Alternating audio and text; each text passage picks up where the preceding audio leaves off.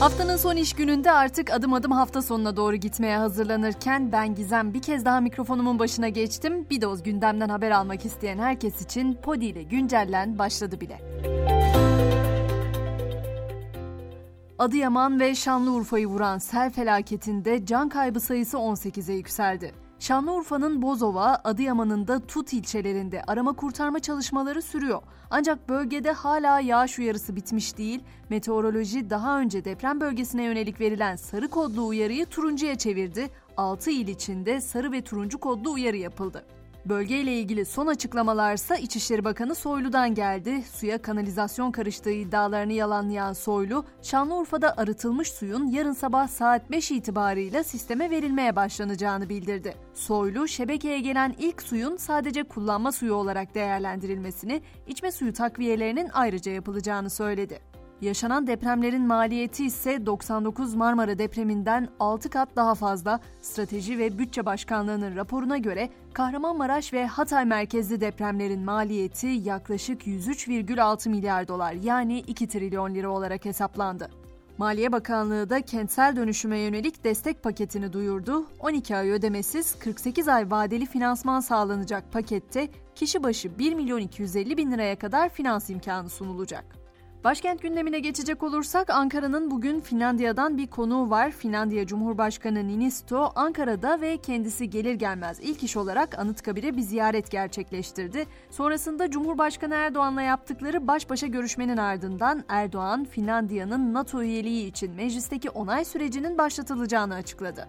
Seçim gündemini de hızlıca özetleyeyim istiyorum. İttifaklarda görüşme trafiği sürerken partiler de kendi içlerinde destekleyecekleri adayları belirleyip yönetim kurulu kararını belirliyor. Hemen seçim takvimi sürecinden de söz edeyim. 20 Mart'ta askıya çıkacak seçmen listeleri 2 Nisan'da askıdan indirilecek. Cumhurbaşkanı adaylığı için başvurularsa 19 Mart'ta başlayacak. Siyasi partiler milletvekili aday listelerini 9 Nisan'a kadar Yüksek Seçim Kurulu'na verecek. Ekonomi cephesinde ise önce hepimizin ceplerini ilgilendiren haberleri sıralayayım. Motorine bir indirim daha var. 1 lira 35 kuruşluk indirim pompaya yansıtılmış durumda.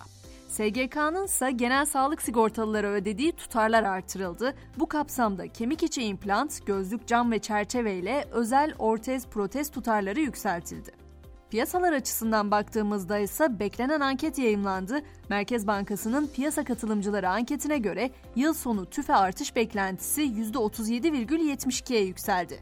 Dolar için yıl sonu beklentisi de 22,91'e çıktı. Dünyadaki ekonomik ortamı rahatlatan hamle ise Amerika Birleşik Devletleri'nde 11 bankanın zor durumdaki bölgesel kredi bankası First Republic'e 30 milyar dolarlık nakit desteği sağlaması oldu. Dünyadaki yolculuğumuza Rusya ile devam edeceğiz. Esad'dan sonra önümüzdeki hafta Moskova'da yeni bir liderler görüşmesi gerçekleşecek. Çin lideri Xi Jinping önümüzdeki hafta Rusya'yı ziyaret edecek.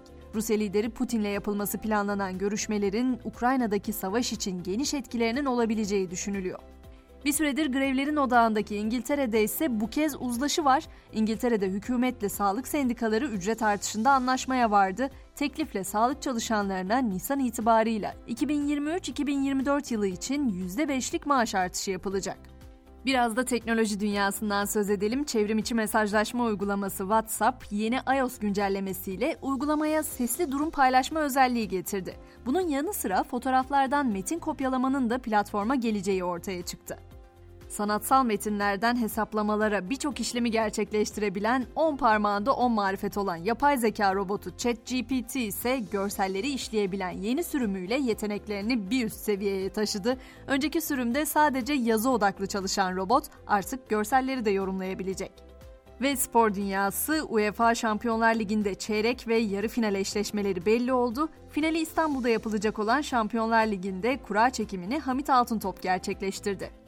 Avrupa Konferans Ligi son 16 turunda Sivas Spor'un Fiorentina'yı konuk ettiği karşılaşmanın son anlarında sahaya giren ve birinin Fiorentinalı futbolcu Alessandro Bianco'ya saldırdığı iki taraftar adliyeye sevk edildi. Saldırgan taraftarlar sorgularının ardından tutuklandı. Ve Süper Lig'in 26. haftası bu akşam tek maçla başlıyor. Konya Spor Galatasaray karşılaşması saat 20'de. Güncelleni bu akşam Victor Hugo'nun Sefiller romanından dünyaya dair etkileyici bir sözle noktalayalım istiyorum. Ucuz olan ne kaldı ki? Her şey ateş pahası. Ucuz olan tek şey dünyanın kahrı. Dünyanın kahrını çekmek bedava. Pazartesi sabahı yeniden görüşmek üzere. Şimdilik hoşçakalın.